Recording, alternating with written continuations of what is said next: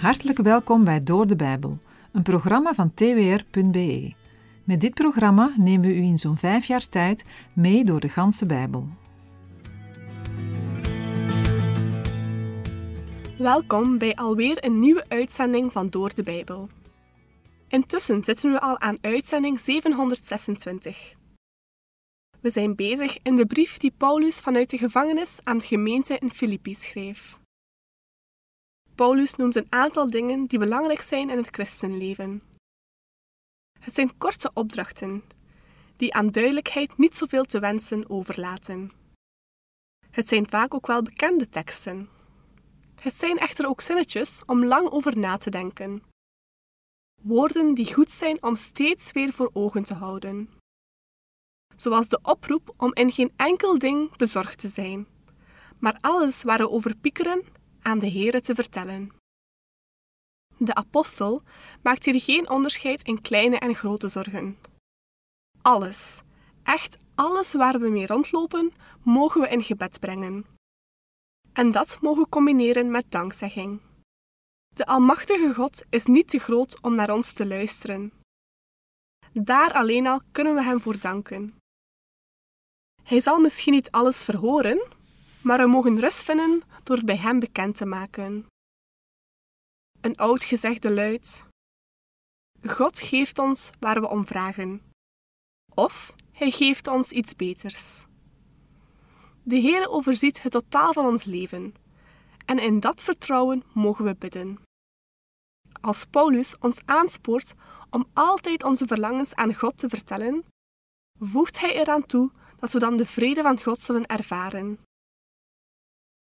Dat is een vrede die boven ons menselijk denken uitgaat. In moeilijke dagen hebben gelovigen gemerkt dat dit waar is. God kan vrede geven in ons hart, al stormt het nog zo erg in ons leven. Zelfs al begrijpen we niets van Gods handelen, dan nog mogen we deze vrede ontvangen. Soms is er worsteling als het leven moeilijk gaat. Het geheim van een gelovige is dat hij altijd alles aan God mag vertellen. Mensen als Job hebben het gedaan. In alle zorgen keerde hij zich niet van God af, maar bleef het uitroepen naar God. En uiteindelijk leerde Job God kennen zoals hij hem daarvoor niet kende. En Job ontdekte dat dat meer dan alles waard was.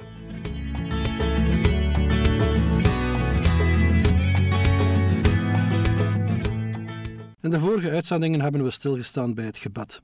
Paulus heeft de gelovigen bemoedigd door hen duidelijk te maken dat ze langs de weg van gelovig gebed met dankzegging hun bezorgdheid bij God mogen brengen. Dan zullen zij vrede van God ervaren.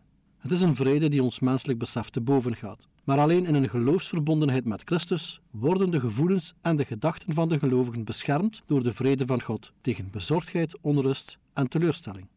Filippenzen 4, vers 8. Verder, broeders, al wat waar is, al wat eerbaar is, al wat rechtvaardig is, al wat rein is, al wat lieflijk is, al wat welluidend is, als er enige deugd is en als er iets prijzenswaardigs is, bedenk dat. Als het hart dan bevrijd is van zorgen en de vrede van God er woont, dan kan men uitgaan naar wat positief is. Paulus stelt het als een opdracht. Het is de bedoeling dat men de opgesomde dingen bedenkt. Dat is het denkvermogen activeren en bewust bezig zijn met de dingen die hij noemt. Dat betekent dat de gedachten hier ook mee vervuld zijn tijdens de dagelijkse activiteiten. Het bedenken van de dingen die hier worden genoemd gaat niet automatisch. Maar al kun je het soms moeilijk hebben, of kunnen tegenslagen je leven teisteren, toch is het belangrijk je met deze dingen bezig te houden. Laten we ze eens wat nader bekijken. Ten eerste al wat waar is. Op de eerste plaats komt dat als je dat bedenkt, de leugen geen kans krijgt. Ten tweede, al wat eerbaar is. Dit te bedenken past bij wat wij zijn, koningen en priesters. Ten derde, al wat rechtvaardig is. Als men wil handelen volgens de regels van God, dan is men in alles eerlijk. Ten vierde, al wat rein is. God heeft aan Israël laten weten welke dieren ze mogen eten. Maar het gebruikte Griekse woord heeft niet alleen betrekking op personen of dieren. Het wordt ook naast dit vers betrokken op de levenswandel of wijsheid. In Matthäus 15, vers 11 staat: Wat de mond ingaat, verontreinigt de mens niet, maar wat de mond uitkomt, dat verontreinigt de mens. Reinheid is het tegenovergestelde van zondige gedachten en overwegingen. Ten vijfde, al wat lieflijk is. Dat wil zeggen, bedenk alles wat waard is om lief te hebben. Dat is in de eerste plaats Jezus, want aan Hem is alles waard om lief te hebben. Maar we kunnen ook denken aan onze broeders en zusters of de kerk. Zien we alleen de slechte dingen in hun leven of ook de goede dingen? Als zesde roept Paulus op al wat welluidend is te bedenken. Dit is het doorgeven van dingen die goed zijn, tegenovergesteld aan geruchten, roddels of kwaadsprekerij. Als zevende staat er als er enige deugd is. Met andere woorden, bedenken dat alles wat gedaan wordt uit liefde voor de Heere Jezus zin heeft. Focus niet op al het nutteloze van het leven. Als achtste en laatste opdracht om te bedenken staat er als er iets prijzenswaardigs is. Met andere woorden, iets met enige lof. Het is van belang te bedenken waarvoor we God kunnen loven. Ondanks de moeite van het leven is er veel waarvoor we God kunnen danken. Filippenzen 4 vers 8 wordt ook wel eens de kortste levensbeschrijving van de Heere Jezus Christus genoemd. Want hij is wel degelijk waar, eerbaar, rechtvaardig, rein, lieflijk en welluidend. Hij is deugdzaam en prijzenswaardigs. Met andere woorden, hij verdient alle lof. Jezus zegt zelf in Johannes 14 vers 6: Ik ben de weg, de waarheid en het leven. Niemand komt tot de Vader dan door mij. In Hebreeën 7, versen 26 tot en met 28 lezen we over de Heere Jezus. Want zo'n hoge priester hadden wij nodig, heilig, onschuldig, onbesmet, afgescheiden van de zondaars en boven de hemelen verheven. Hij heeft het niet nodig, zoals de hoge priesters, elke dag eerst voor zijn eigen zonden slachtoffers te brengen, en pas daarna voor die van het volk. Want dat heeft hij voor eens en altijd gedaan, toen hij zichzelf offerde. Want de wet stelt mensen die met zwakheid behept zijn aan als hoge priester. Maar het woord van de eed die na de wet gezworen is, stelt de zoon aan, die tot een eeuwigheid volmaakt is. Christus is degene die alle lof en eer waard is. Nogmaals, hij is alles wat in Filippenzen 4 vers 8 opgesomd staat. Wij mensen zijn en worden verontreinigd door de zonde in ons hart en de wereld. Een mens moet gered en geheiligd worden. Een mens moet zijn of haar gedachten laten opschonen en vullen met de dingen die van de Heere zijn, en niet van deze wereld. Een kort zelfonderzoek kan vaak de ogen openen. In 2 Korinthe 3 vers 18 staat: Wij allen nu, die met onbedekt gezicht de heerlijkheid van de Heere als in een spiegel aanschouwen, worden van gedaante veranderd naar hetzelfde beeld, van heerlijkheid tot heerlijkheid, zoals dit door de geest van de Heere bewerkt wordt. Weerspiegelen wij de Heere Jezus? Het is niet voor niets dat mensen in de Bijbel vaak worden vergeleken met schapen die geen herder hebben. Wij mensen zijn zo kwetsbaar en vaak snel te verleiden. Dan laten we ons meevoeren door allerlei wind van leer. Vanuit onszelf zijn we vaak niet in staat om waarheid en leugen van elkaar te onderscheiden. Maar als we ons hart en leven vullen met het woord van God, dan is dat ook een bescherming voor ons hart en leven. In Psalm 119, versen 9 tot en met 20 staat: Waarmee houdt een jongeman zijn pad zuiver? Als gij dat bewaart overeenkomstig uw woord. Ik zoek u met heel mijn hart. Laat mij van uw geboden niet afdwalen. Ik heb uw belofte in mijn hart opgeborgen, opdat ik tegen u niet zondig. Gelooft zij u, Heere, leer mij uw verordeningen. Ik heb met mijn lippen vertaald al de bepalingen van uw mond. In de weg van uw getuigenissen verblijd ik mij meer dan in alle bezit. Ik overdenk uw bevelen en heb oog voor uw paden. Ik verblijd mij in uw verordeningen. Uw woord vergeet ik niet. Wees goed voor uw dienaar, dan zal ik leven en uw woord in acht nemen. Ontsluit mijn ogen en laat mij aanschouwen de wonderen van uw wet. Ik ben een vreemdeling op de aarde. Verberg uw geboden niet voor mij. Mijn ziel wordt verteerd van verlangen naar uw bepalingen, te allen tijden. Deze woorden zijn niet alleen van toepassing op het leven van de dichter van Psalm 119, maar ook op jou en mijn leven. Is ons hart vol met de woorden van de Heer? Veel problemen met kinderen worden vaak veroorzaakt doordat kinderen niet voldoende naar de adviezen en raad van hun ouders of opvoeders luisteren. In geestelijk opzicht komt hetzelfde voor. Veel problemen van christenen komen voort uit het feit dat zij slecht naar hun hemelse vader luisteren, of zelfs niet weten wat hun hemelse vader in zijn woord over bepaalde zaken heeft gezegd. Bidden tot God is voor veel mensen niet de eerste hulp, maar de allerlaatste. Als alles mislukt is, als er nergens meer een strohalm is waar een mens zich aan kan vastgrijpen, pas dan wil een mens misschien nog wel tot God bidden. Filippenzen 4, vers 9. Wat u ook geleerd en ontvangen en gehoord en in mij gezien hebt, doe dat. En de God van de vrede zal met u zijn. Het praktisch handelen van de gelovigen in Filippi moet bepaald worden door datgene wat Paulus hen geleerd en voorgeleefd heeft. De gelovigen van Filippi waren leerlingen van de Heere Jezus geworden en Paulus had hen geleerd te doen wat de Heere zelf bevolen had. Concreet gaat het om de inhoud van het evangelie en de ethische consequenties daarvan. Het gevolg van een juiste gerichtheid en een handelwijze naar dit voorbeeld is dat de God van de vrede met hen zal zijn. Meestal wordt met een dergelijke zegenbede een brief afgesloten. Dat is ook hier min of meer het geval, omdat het vervolg een persoonlijk dankwoord voor de ontvangen ondersteuning is. Filippenzen 4, vers 10. En ik ben zeer verblijd geweest in de Heere dat uw denken aan mij eindelijk weer opgebloeid is. U hebt ook wel steeds aan mij gedacht, maar u hebt de gelegenheid niet gehad om het te tonen. Nadat Paulus zijn brief heeft afgesloten met de vermaningen en met een zegenbede, bedankt hij de Filippenzen voor de ontvangen hulp. Opnieuw spreekt de apostel over blijdschap. Paulus heeft zich over de ontvangen financiële ondersteuning verheugd. Hij was erg blij en dankbaar dat de Filippenzen hem hadden geholpen. Maar hij vermeldt erbij dat zijn blijdschap in de Heere was. Dat geeft aan dat hij de liefde van de Heere heeft ervaren in de hulp die hij van de Filippenzen heeft ontvangen. Het geeft ook aan dat hij de Heere ervoor heeft gedankt. Opmerkelijk is wel dat Paulus niet het geld zelf benoemt, maar benadrukt dat zijn blijdschap het meest veroorzaakt wordt door de liefdevolle gezindheid van de Filippenzen. In het tweede gedeelte van vers 10 lazen we: U hebt ook wel steeds aan mij gedacht, maar u hebt de gelegenheid niet gehad om het te tonen. De hulp van de Filippenzen was een daad in geloof en uit liefde. Paulus had die hulp lange tijd moeten missen, maar nu had de apostel de ondersteuning weer ontvangen. De Filippenzen waren echt begaan met de apostel. Paulus constateert zelf dat de Filippenzen al een hele tijd bezorgd geweest waren, maar toen niet in staat om iets voor hem te doen, mogelijk vanwege hun armoede of vanwege de grote afstand tussen Filippi en de plaats waar Paulus gevangen zat. De Filippenzen hebben al de tijd dat Paulus niets van hen hoorde, wel met liefde aan Paulus gedacht en voor hem gebeden, maar ze hadden in die tijd geen gelegenheid om hun liefde concreet en zichtbaar te geven. Twee jaar lang had de kerk in Filippi het contact met Paulus verloren. Zij wisten niet waar hij zich bevond nadat hij was gearresteerd in Jeruzalem. Daarna hadden zij gehoord dat hij was overgebracht naar een gevangenis buiten Jeruzalem.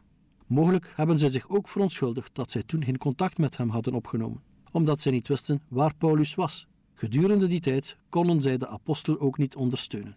Filippenzen 4, vers 11. Niet dat ik dit zeg vanwege gebrek, want ik heb geleerd tevreden te zijn in de omstandigheden waarin ik verkeer.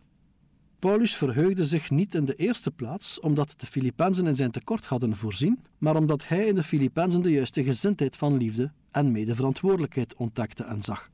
Met een zeer benadrukt ik heb geleerd, maakt Paulus duidelijk dat het bij zijn blijdschap niet om hem persoonlijk gaat, maar om de uiting van het geloof van de Filippenzen.